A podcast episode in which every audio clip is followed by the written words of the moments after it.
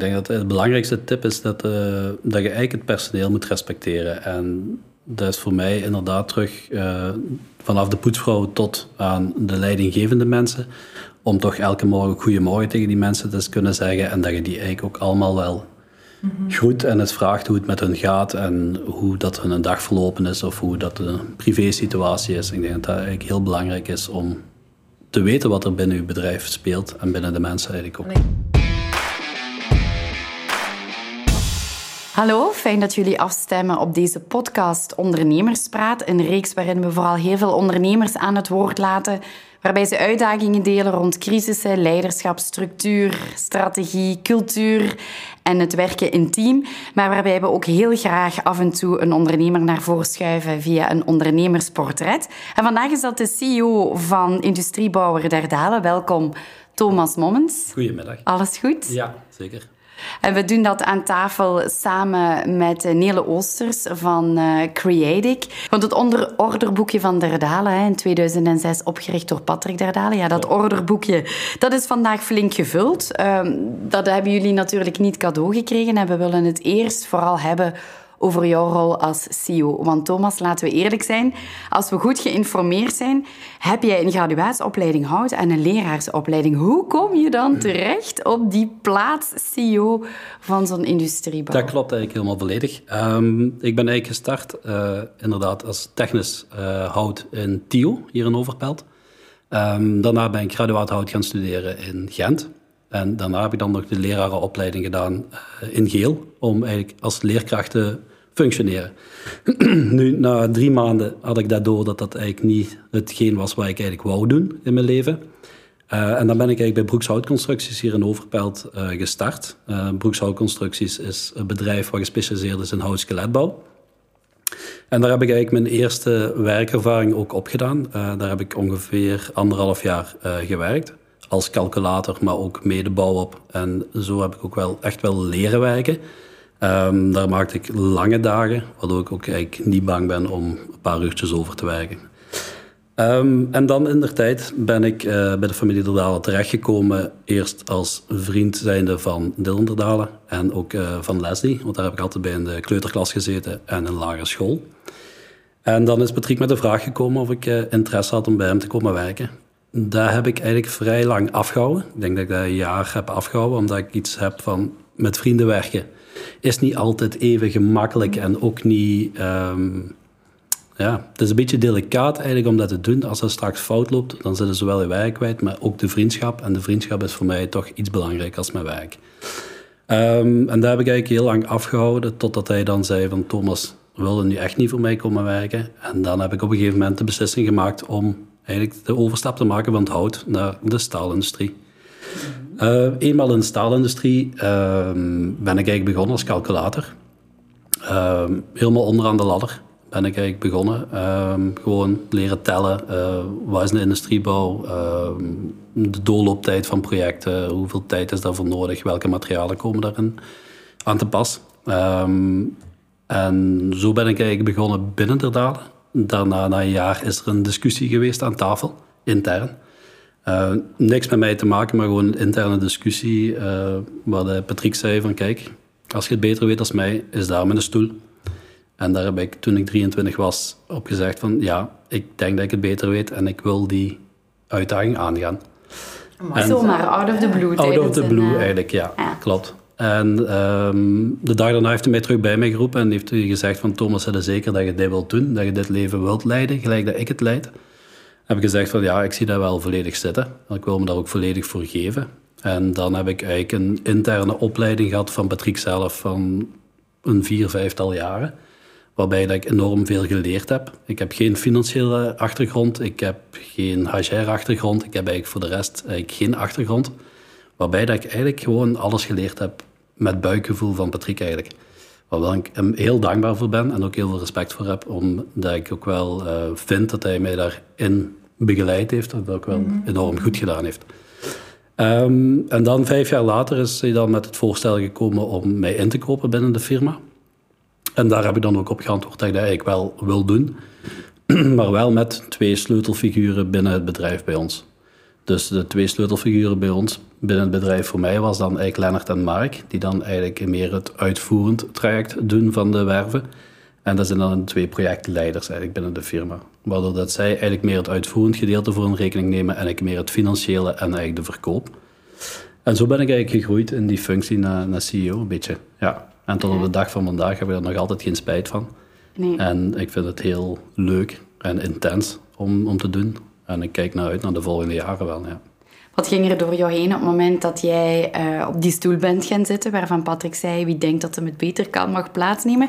Kan je dat omschrijven? Want uh, deze podcastreeks inspireren we ook. En misschien zijn er wel mensen die in hun eigen bedrijf andere stappen willen zetten. Nee? Goh, het gevoel dat dat mij teweegbracht van, oké, nu heb ik iets waar ik uh, voor kan werken.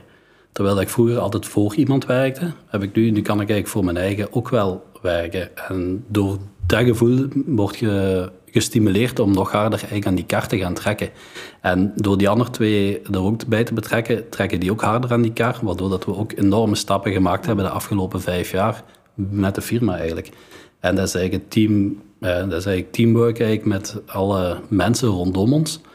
Um, zowel de poetsvrouw bij wijze van spreken tot als de CEO allemaal samen aan diezelfde kaart trekken en al die mensen op die één lijn krijgen. En dat is, dat is wel heel uitdagend en dat gaf voor mij wel die, die push eigenlijk om dat te gaan doen, ja. Om die mhm. mensen allemaal op die lijn te krijgen. In je rol als CEO nu, hoe, in hoeverre neem je eigenlijk jouw eerste stappen in het bedrijf mee? Want je zegt, ik ben begonnen bij calculatie. Mhm. Je hebt heel veel ervaring op de werkvloer. Hoe helpt jou dat? Want dat kan misschien wel een tip zijn voor iedereen. En zeggen van, loop eens een, beetje, een tijdje mee op de werkvloer. Ik denk dat dat eigenlijk een, een, een heel voornaam ding is. Dat je eigenlijk het bedrijf van binnen en van buiten weet. Ehm, ik ben begonnen als calculator, maar ik, dat houdt niet weg dat ik ook niet op de werven ben geweest. Dus ik ben ook in de staalatelier gaan kijken hoe wordt het staal gemaakt, hoe wordt uh, de montage gedaan, hoe gaan ze het dak doen. En noem maar allemaal alle stappen die we eigenlijk gedaan hebben, ben ik allemaal gaan meelopen. Ik ben een tekenkamer gaan bijzitten. Ik ben het financieel gebied ben ik gaan bekijken, ook met de boekhoudster, uh, hoe dat allemaal in zijn werk gaat. En dan vooral denk ik ook uh, bijscholing naar uw eigen toe, dat je s'avonds zegt, ah, ik ga me daar eens in verdiepen. Hoe werkt dit eigenlijk allemaal? Hm. Dat je toch ergens die basis gaat zoeken of dat je toch een beetje gaat, ja, gaat leren eigenlijk. Mhm. En ik denk dat het ook heel belangrijk is dat je je ook laat inspireren door andere ondernemers die ook al dingen bereikt hebben. En als die kritiek geven naar u, is dat ook niet altijd slecht. Ik denk de kritiek die je soms krijgt van mensen is ook opbouwende kritiek. Dat je kunt zeggen, kijk, oh, misschien kan ik dat op die manier inderdaad ook wel eens doen. En luisteren naar heel veel mensen doet ook heel veel. Ja. Heb je zo voorbeelden van personen die je echt inspireren? Goh, voor mij is dat eigenlijk, dat blijft eigenlijk Patrick. Hè. uiteraard blijft dat voor mij de belangrijkste persoon. Uh, en dan zijn het de mensen bij ons, vooral in de groep. Uh, we, we, zitten met 17 bedrijven in onze groep. En dan, uh, als wij met elkaar praten, dan leren wij ook heel veel van elkaar. En ik denk dat dat de personen zijn waar, waar ik het meeste naar luister. Ja. Nu, Thomas, je gaf al aan, ik wil heel graag met vrienden wandelen. Ik heb heel lang getwijfeld om ermee te handelen. Hoe, hoe is die situatie nu? Want je bent dan bij twijfelen om als calculator te starten, ondertussen doorgeroeid tot CEO. Ja. Um, ik mag daar eigenlijk nog altijd niet over klagen. Dus eigenlijk tot op de dag van vandaag hebben wij ook nog nooit ruzie gehad over bepaalde dingen. Oké, discussies zult je altijd hebben. Zolang dat die uitgepraat worden, is dat ook geen probleem. Um, maar ik denk dat het ook heel belangrijk is, en dan zeker uh, naar Dylan toe en naar de, de kinderen toe, is dat ze eigenlijk ook wel een vertrouwenspersoon gevonden hebben die eigenlijk in die firma zit. Ehm, waarbij ze bij mij ook altijd terecht kunnen met vragen of met uh, bepaalde zaken die opgelost moeten worden. Het zal ik altijd wel een aanspreekpunt zijn naar hun toe. Um, maar in het begin was dat misschien wel wat moeilijk. Van, ja, oh, Thomas komt nu op die stoel te zitten. Wat gaat dit doen? Hoe, hoe gaat dit lopen? Maar tot op de dag van vandaag is er nog nooit iets gebeurd dat ik kan zeggen van... Oh, ik ga hier vandaag mee stoppen. Nee, totaal niet. Nu, Thomas, in deze podcastreeks brengen we heel veel uh, onderwerpen aan bod die te maken hebben met ondernemen.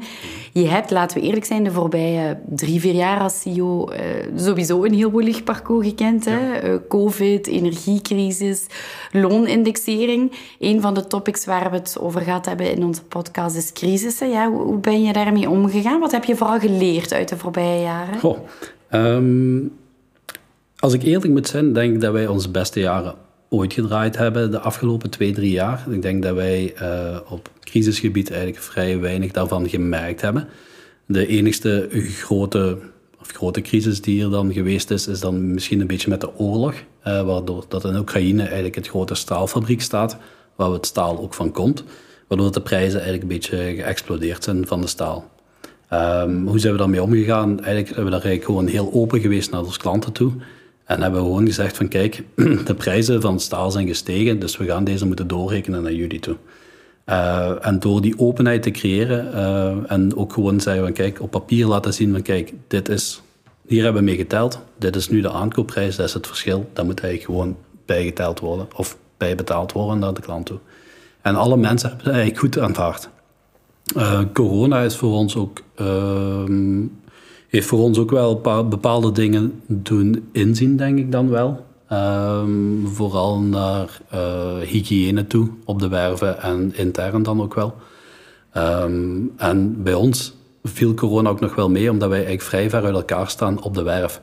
Uh, wij zitten, het is niet zo dat wij op een kantoor, uh, of dat de arbeiders op een kantoor zitten en daar op vijf meter van elkaar staan. Nee, bij ons staan ze op twintig meter uit elkaar op een werf. En op zich hebben we daar eigenlijk vrij weinig uh, problemen mee gehad. Ja. Ik las in een interview dat je ook zegt van wij willen eigenlijk niet te snel groeien, want we willen ervoor zorgen dat en onze medewerkers en externe mm. partners het tempo aankunnen. Hoe, ja. hoe, bewust ga je dan om met die groei? Want je kan toch moeilijk orders niet gaan aanvaarden? Of, of hoe moet ik dat zien? Dat, uh, ja, op dat probleem komen we nu ook een beetje uit. Dat we eigenlijk als orderboek vrij goed gevuld zit hè, tot april volgend jaar. Waar mijn inziens misschien al te ver vol zit, dat wij bepaalde projecten uh, niet kunnen aannemen of niet kunnen calculeren. Um, in die opzicht zijn we nu op zoek om een externe ploeg of om personeel bij aan te werven, dat we eigenlijk toch een 10, 15 procent kunnen groeien dit jaar ook weer. Uh, maar dat is niet het gemakkelijkste om de mensen te vinden die, die, die mee kunnen draaien in, in onze roulement eigenlijk.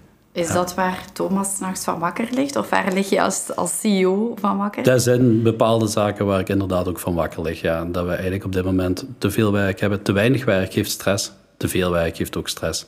En dat is de balans daarin gaan zoeken van wat gaan we doen? Gaan we personeel bijmaken, maar bij, bij aannemen? Maar door personeel bij aan te nemen, gaat je natuurlijk ook weer vijf of tien mensen bij je bedrijf betrekken, waardoor ook weer tien problemen bijkomen. Dus het is ergens een balans zoeken en op een gegeven moment moet je zeggen waar ben ik zelf content mee en hoe ver wil ik daar nog in gaan. Mm. We zijn nu ook bezig met een nieuwe uitbreiding eh, voor ons bedrijf. Um, voor de komende vijf jaar ook te kunnen groeien. Dus daar zijn we ook mee bezig. Dus we zijn daar wel dagdagelijks nog mee bezig, ja. Hoe zorg je er eigenlijk voor dat je als CEO zelf sterk staat? Ik las dat je Plato-netwerksessies doet, dat je mm. misschien ook coachings doet. Wel, ja, hoe zorg je voor die balans net? Oh, die balans, ik denk dat het uh, een beetje work-life balance ook wel heel belangrijk is. Um, dat je eigenlijk zelf ook een beetje kunt relativeren en ook af en toe eens kunt zeggen, oh, ik ga de riem eraf leggen. In, die, in dat opzicht dat je bij wijze van spreken kunt gaan sporten om je frustraties kwijt te krijgen. Maar ook om bijvoorbeeld echt wel een week op vakantie te kunnen gaan en zeggen: Ik ga mijn gsm's even aan de kant leggen. Ik ga ook eens even mijn mails aan de kant leggen. Ik denk dat ook een heel belangrijke is. En dan vooral, waarom zit ik bij die groepen van VOCA? Is eigenlijk een beetje om te kunnen sparren met medegenoten. En vooral ook met leeftijdsgenoten, hoe dat die er eigenlijk mee omgaan. Ik denk dat dat ook heel belangrijk is. Wat ik me toch afvraag is: ja, hoe ziet jouw werkdag eruit? Mijn werkdag. Um, die uh, ziet er eigenlijk uit, gewoon s'morgens opstaan uh, tussen 7 en 8. Ik probeer altijd tussen half 8 en 8 uur op kantoor te zijn. Um, s'morgens probeer ik uh, mijn mails eerst te doen en dan de dagdagelijkse problemen eigenlijk aan te vatten. als ik dan tijd over heb, dan probeer ik nog altijd calculeren. Dus ik maak zelf ook nog offertes um, en ik probeer dan ook de verkoop eigenlijk mee te doen. Nu, ik merk wel de afgelopen jaren uh, met de groei die we gemaakt hebben, dat er eigenlijk ook minder en minder aan bod komt. En dat ik mij ook meer moet richten op het bedrijf zelf. En vooral op de structuur binnen het bedrijf. En uh, enorm veel praten met de mensen die in het bedrijf werken. Daar kruipt eigenlijk het meeste tijd van mijn dag in. En s'avonds is er dan meestal uh, recepties op FOCA of noem maar allemaal op. ik probeer eigenlijk altijd bezig te zijn. Ik ben niet iemand die van 9 to 5 werkt. Daar hou ik ook niet van. Ik ben meestal tegen 8 uur, half 9 ook pas thuis. En dan is de molen nog altijd aan het draaien, zal ik zo zeggen. Nu ja, jullie zijn een, uh, uit de bouwsector, een industriebouw. Toch zijn jullie een bedrijf dat ook goed nadenkt over structuur, visibiliteit. Uh, ja... Ja, ik vond, ik, vond, ik, maar ik vond het eigenlijk wel frappant, want uh, een paar maanden geleden um, reed ik op de grote ring in Hasselt.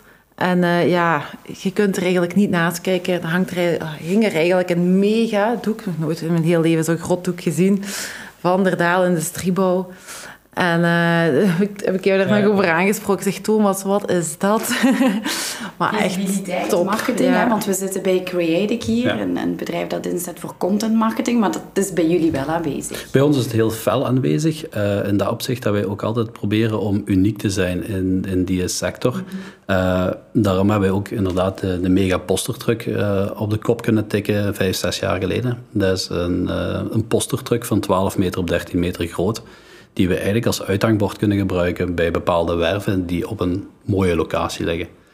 Um, en zo proberen wij dat toch wel zelf ook allemaal in de hand te hebben. En dan bijvoorbeeld de basket proberen we dan iets unieks te hebben. En daar hebben we nu bijvoorbeeld de mascotte uh, van Limburg United, die we dan eigenlijk gebruiken met onze naam op. Ja.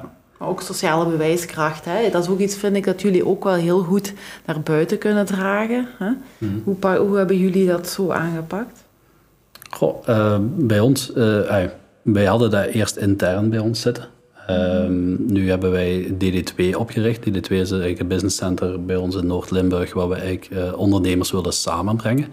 Um, en daar zit nu ook Starbis onder. En Starbis is, Starbis is eigenlijk ons marketingbureau, uh, eigenlijk, die eigenlijk nu alles voor ons eigenlijk, uh, in het speel brengt, zal ik zo zeggen. Ja, ik vind het wel goed dat, je, dat jullie dan ook inderdaad zien hoe belangrijk dat eigenlijk wel ja. is om uh, met goede communicatie, visibiliteit eigenlijk naar buiten te komen. Echt wel... Uh...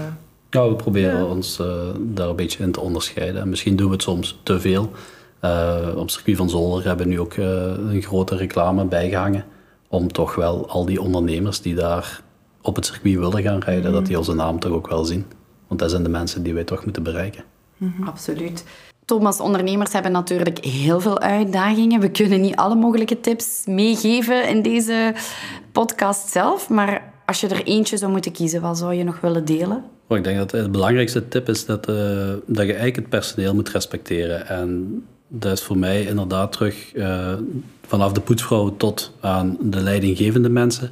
Om toch elke morgen goedemorgen tegen die mensen te kunnen zeggen. En dat je die eigenlijk ook allemaal wel goed en het vraagt hoe het met hen gaat en hoe dat hun een dag verlopen is of hoe dat de privé-situatie is. Ik denk dat dat eigenlijk heel belangrijk is om te weten wat er binnen uw bedrijf speelt en binnen de mensen eigenlijk ook. En ik denk ook als, als je van die kleine dingetjes doet, dat, dat een persoon ook heel gemakkelijker andere dingen wilt en kan delen met jou of, of met iemand leidinggevende functie de drempel pak je weg naar, naar, naar de stap toe om, om te komen melden dat er iets fout zit. En daar zit de key in, denk ik. En het zijn van die kleine dingetjes, dat als je dicht bij jezelf blijft, denk ik, dat je vriendelijk goedemorgen zegt, hoe is een beetje doorvraagt, een beetje, eh, gewoon op een menselijke manier, gewoon een beetje... Communiceren. Communiceren, ja. En gewoon ook welgemeende interesse toont, dat je daardoor met, met je team wel, wel stappen kunt zetten. En raak je veel verder mee. Ja, dat denk ik Absoluut. ook wel. Een goede tip.